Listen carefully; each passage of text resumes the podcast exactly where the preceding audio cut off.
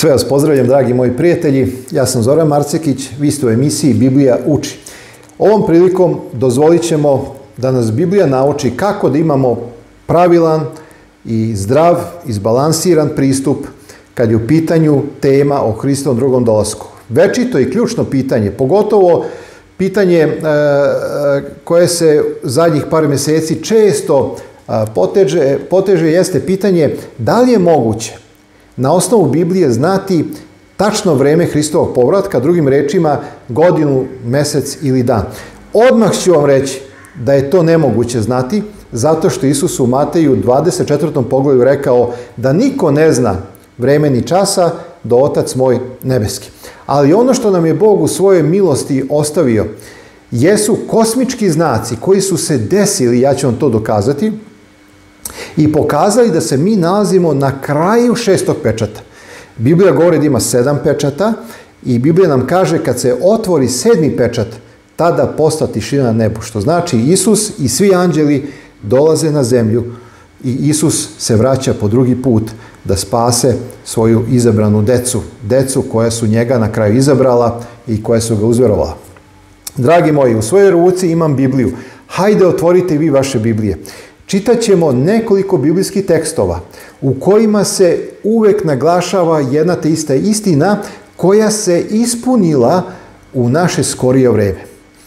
Reč je o knjizi proroka Isaije, knjiga proroka Jezekilja, knjiga proroka Joila, Evanđelje po Mateju 24. poglavlje i knjiga otkrivenja 600 poglavlje. Hajde da krenemo redom, u svakoj knjizi imamo 2 do 3 stiha i onda ćemo na kraju dovesti, do, do, doći do zaključka gde smo mi vremenski u odnosu na povratak Isusa Hrista.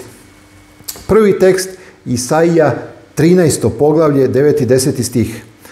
Evo ide dan gospodnji ljuti sa gnevom i jarošću, svakako dan ljuti reči o Hristo drugom dolasku, ovo je proročanstvo, da obrati zemlju u pustoš i grešnike da istrebi iz nje jer zvezde nebeske i prilike nebeske neće pustiti svetlosti svoje, sunce će izgubiti svetlost o rođaju svom i mesec neće pustiti svetlosti svoje. Znači vidimo znaci su prisutni, kosmički znaci, u ovom proročanstvu prorok Isaija sve to vidi i ono što je video da će se desiti pred sam Hristo dolazak, on je to zapisao. Znači videli ste znake na mesecu, na zvezdama, na suncu. Idemo dalje. Otvorit ćemo sljedeću knjigu, knjiga proroka Ezekilja. 32. poglavlje čitamo 7. i 8. stih. Zapazite, ista ideja kao i sa i u tekstu koji smo malo pre čitali. A kada te ugasim, zastreću nebo i zvezde na njemu pomrčati. Sunce ću zakloniti oblaku i mesec neće svetlati svetlošću svojom. Svaću svetla videla na nebu pomrčati za tobom i pustiću tamu na tvoju zemlju, govori gospod, gospod. Znači, ponovo se ovde govori o danu kada će sunce već sijati, ali u jednom trenutku će postati tama. Znači, u jutrenjim satima, kada svi očekujemo da je dan, da sunce sija u punom sjaju ili prosto da je vreme za ustajanje, Biblija kaže da će to biti mračni dan. Na nebu se neće videti zvezde, jer kaže pomrčaću ih, ugasiću ih, ni mesec se neće videti. Ali na drugom mestu ćete pročitati da će mesec biti crven kao krv i da će te zvezde nebeske pasti na zemlju. Znači, čitali smo knjigu proroka Isaije, čitali smo sada knjigu proroka Ezekije, idemo u knjigu proroka Joila.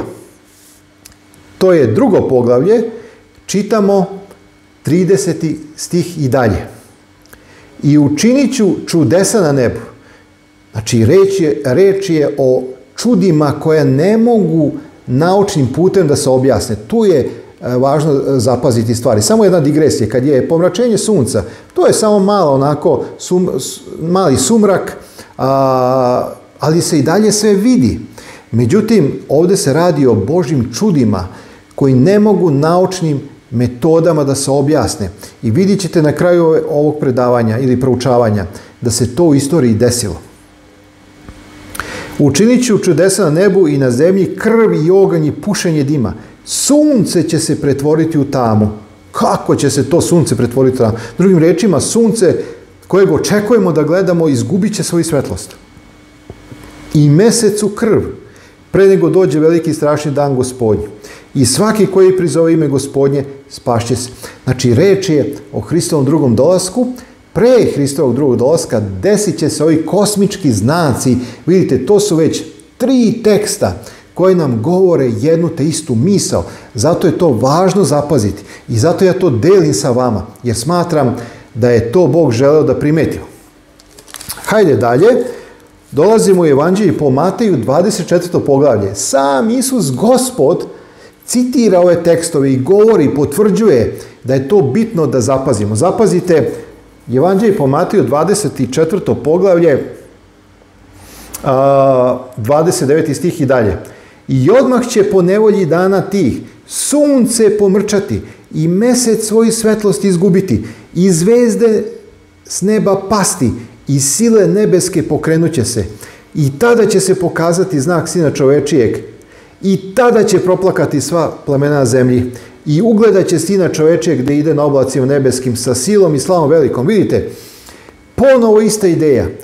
Odmah nakon tih znakova koje, koji su kosmičkog karaktera, Isus kaže i tada će se pokazati snik, sin, znak sina čovečijeg.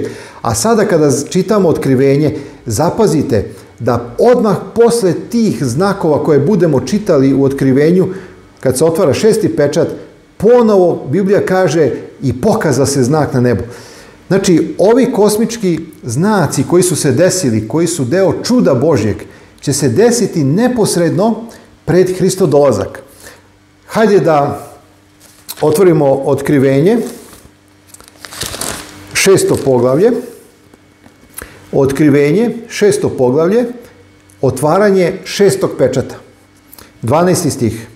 I videh, kad otvori šesti pečat, i gle, zatrese se zemlja vrlo, i sunce posta crno kao vreća od kostreti, i mesec posta kao krv, i zvezde nebeske padoše na zemlju kao što smokva odbacuje pupke svoje kad je veliki vetar zaljulja. I ono što se sada još nije desilo, a ja ću vam to dokazati sad na osnovu određenih istorijskih činjenica, zapazite, i nebo se izmiče kao knjiga i svaka gora i ostrovo sa svojih mesta pokrenuše se jer dolazi Isus Hristos. Zemlja se trese, nebo se savija kao knjiga. Drugim rečima, otvara se nebeski svod da bismo mogli ugledati znak Sina čovečijeg. Kada se to dešava? Odmah nakon ovih kosmičkih znaka. Dragi moji, još jednom, Zemlja se zatresla, to je dodatni element u otkrivenju 6. Mesec je bio crven kao krv, zvezde nebeske su pale na zemlju i sunce je izgubilo svoju svetlost. Da li imamo u istoriji neke dokaze da se sve ovo desilo? Imamo, dragi moji, ja se sam naježim kada razmišljam o ovome. Mi se nalazimo na pragu večnosti. Mi se nalazimo još samo malo do Hristovog drugog dolaska. Da li znamo dan, da li znamo čas, vreme, ne znamo, ali na osnovu ovih znakova vidimo da je blizu. Hajde da se setimo 1. novembra 1755. godine. Desio se Lisabonski zemljotres. Uvijek je bilo zemljotresa, ali Lisabonski zemljotres je potresao tri kontinenta. Posle eh, strašnog razaranja došla su još dva tsunamija – koje su nosila sve pred sobom i prelazila su preko 40-50 metara. Na obalama Lisabona i danas se vide gole stene, jer ih je tsunami, jer je tsunami oduvao sve što je bilo zelenilo svako drvo. Koliko je poginulo od zemljotresa, toliko je uskoro, to jest u, u, u, u određenom vremenskom periodu, odmah nakon zemljotresa, poginulo od tsunamija. Naučnici kažu da je Lisabonski zemljotres otvorio eru zemljotresa. A Isus kaže u Mateju 24, zemlja će se tresti po svetu. Danas, dragi moji, svake sekunde, minuta, zemlja se negde trese po svetu. I to je još jedan znak, ali ne idem sad u tom pravcu. Znači, prvi znak iz otkrivenja, sad smo čitali šestog pogleda, se ispunio. Ovo vezujemo za Lisabonski zemljotres. Drugi znak, 19. maj 1780. godine, mračni dan u 10 sati ujutru. Mračni dan u 10 sati ujutru. Sve je krenulo kako treba i negde oko 10 sati ujutru, pogotovo u državi Konektikat imamo zapisane određene razgovore i tako dalje. Tama je postala toliko gusta da ljudi nisu videli prs pred okom. Na nebu se nisu videli ni zvezde, ni mesec. Sve je bilo crno i trajalo je negde do popodne, do 6 sati uveče. Znači, taj mračni dan ne može naučno da se objasni. To je prst Božji koji je prorečen da će se desiti kao znak da osvesti sve nas da Isus dolazi. 19. maj 1780. godina možete provjeriti u enciklopedijama. Istog tog dana, ali uveče, na nebu se pojavio mesec toliko crven da su se ljudi uplašili. I to je ispunjenje onoga teksta kojeg smo čitali, da, da će mesec biti crven kao krv. I zaista ljudi su opisali da se te večeri pojavio mesec koji je bukvalno bio crven kao krv. I ispunjenje sledećeg znaka 13. novembra 1833. godine padali su meteori. Oni koji su to posmatrali kažu da je padalo 200.000 meteora na sat. Nebo je toliko bilo svetlo, toliko su se ljudi uplašili, kaže nam istorija, da su hrlili u ponoć u crkve, misleći da je smak sveta. To je, bilo neverovatan, to je bio neverovatan prizor koji se desio 13. novembra 1833. godine. Dragi moji, Ovo su događaji koji nam potvrđuju da mi živimo u vreme šestog pečeta.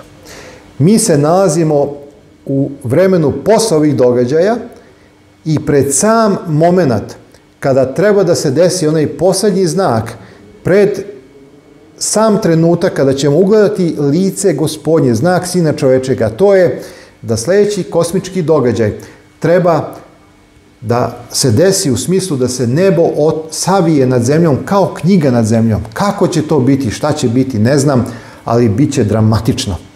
I sva ostrava i sve gore se pomeraju. Verovatno će sam dolazak Isusa Hrista pratiti strašni zemljotresi i strašne nevolje, jer će ljudi bežati od straha. Razvojite da vam pročitam još a, ono što će se dešavati na zemlji kad se ovo bude pojavljivalo na nebeskom svodu. Kaže, i nebo se izmiče kao knjiga kad se savije, otkrivenje šesto poglavlje čitam, i svaka gora i svako ostravo sa mesta svojih pokrenuš. Pazite, to je tetonsko pomeranje. To nije malo ono neki zemljotres 5-6 rihtela.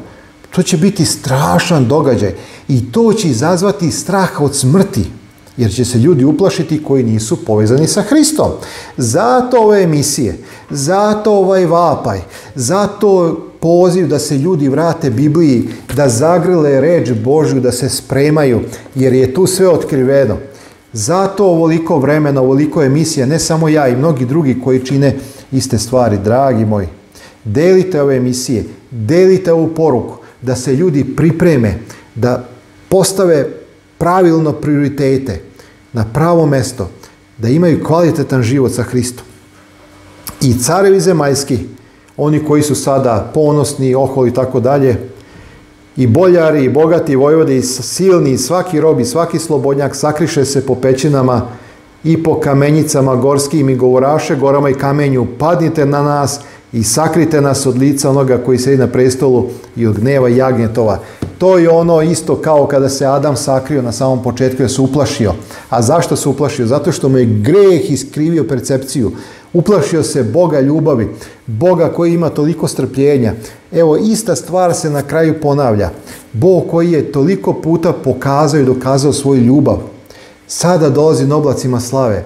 Ali žalosno je, dragi moji, što će većina ljudi bežati od Boga jer ga nisu prihvatili, jer se nisu pokajali. I ja bih ovde stao. Mi ne znamo dan i čas. Bog je to sakrio od nas, to je u tajnosti.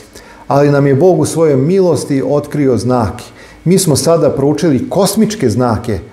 Videli smo da ih je Bog više puta spomenuo svoje reči, da bi smo mi shvatili vreme u kojem se nalazimo u odnosu na Hristo drugi dolazak knjiga proroka Isaije, knjiga proroka Ezekija, knjiga proroka Joila, evanđelje po Mateju i knjiga otkrivenja. To mora da je toliko bitno kada se toliko puta, dragi moji, ponavlja u Svetom pismu. Bog je milostiv i on nas je želeo pripremiti za susret sa tobom.